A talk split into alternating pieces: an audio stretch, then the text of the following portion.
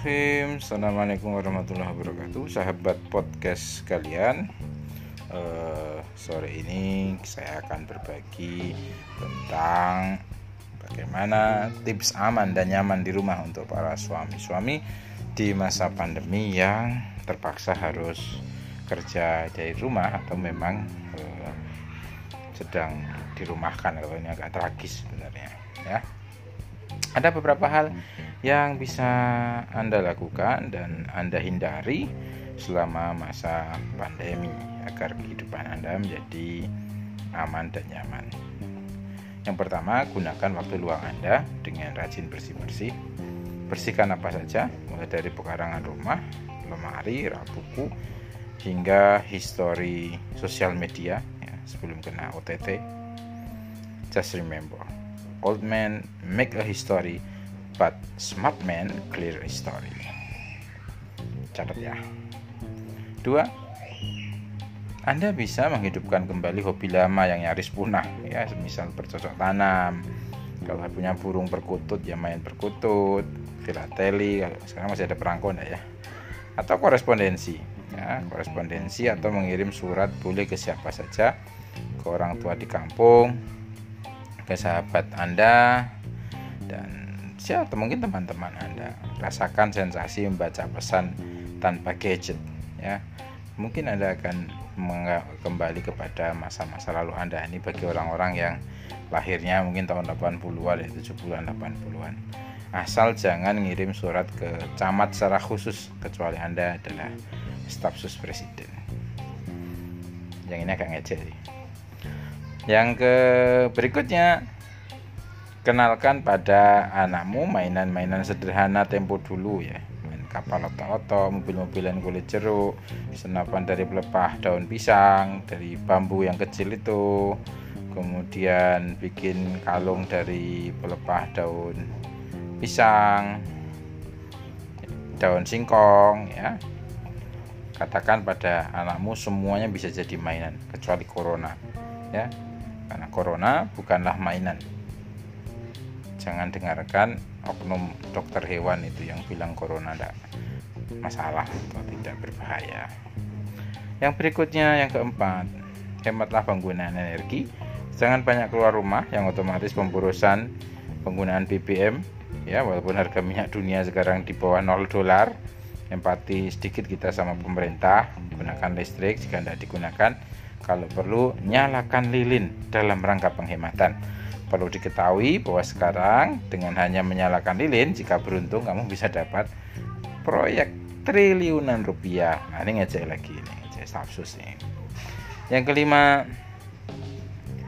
gunakan masker tebal ketika terpaksa keluar rumah. Masker tebal itu bisa melindungi kita dari virus dan kemungkinan-kemungkinan yang lain seperti bakteri dan lain sebagainya.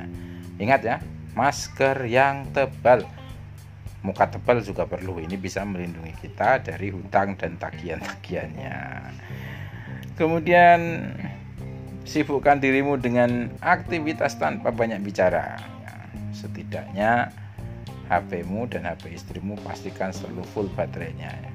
karena kadang-kadang masalah rumah tangga itu berawal dari obrolan-obrolan iseng yang tidak penting dan tidak terkontrol dan kadang-kadang karena situasinya lagi capek dan sebagainya melebar ke mana-mana ujungnya terjadi perkelahian. Yang ketujuh pahami standar operating prosedur dalam membantu istri menjemur pakaian harus dibalik dulu. Bagian dalamnya yang kena panas matahari nyuci pakaian kalau baju putih harus dipisahkan. Pokoknya jangan tanya alasannya apa ikuti aja SOP-nya memang begitu ya. Risiko menyelisih pakem itu adalah adanya physical distancing dalam satu rumah dan itu mengenaskan sekali.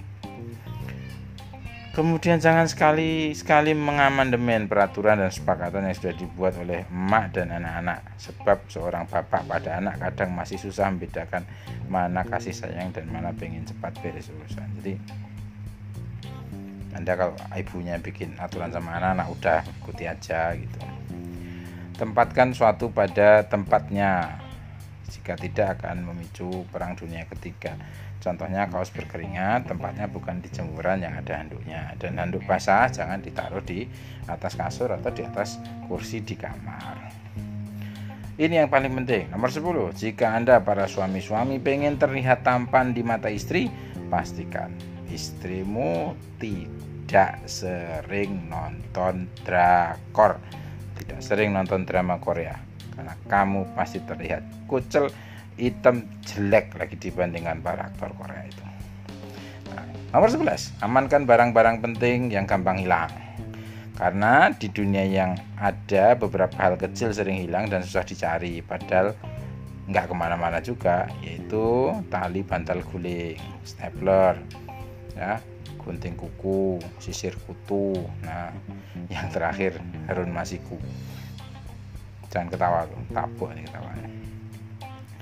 Yang kedua belas jangan banyak rebahan. Selagi fisikmu masih sanggup untuk bekerja apa saja? Percayalah satu saat rebahan itu menjengkelkan sekali.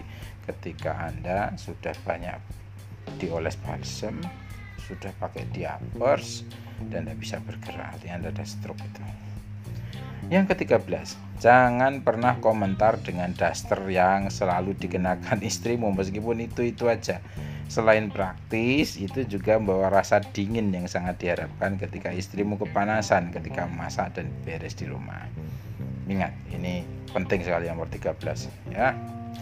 Yang ke-14, biarkan dan jangan disela ketika istrimu merempet atau marah pada anak-anak soal kebersihan rumah.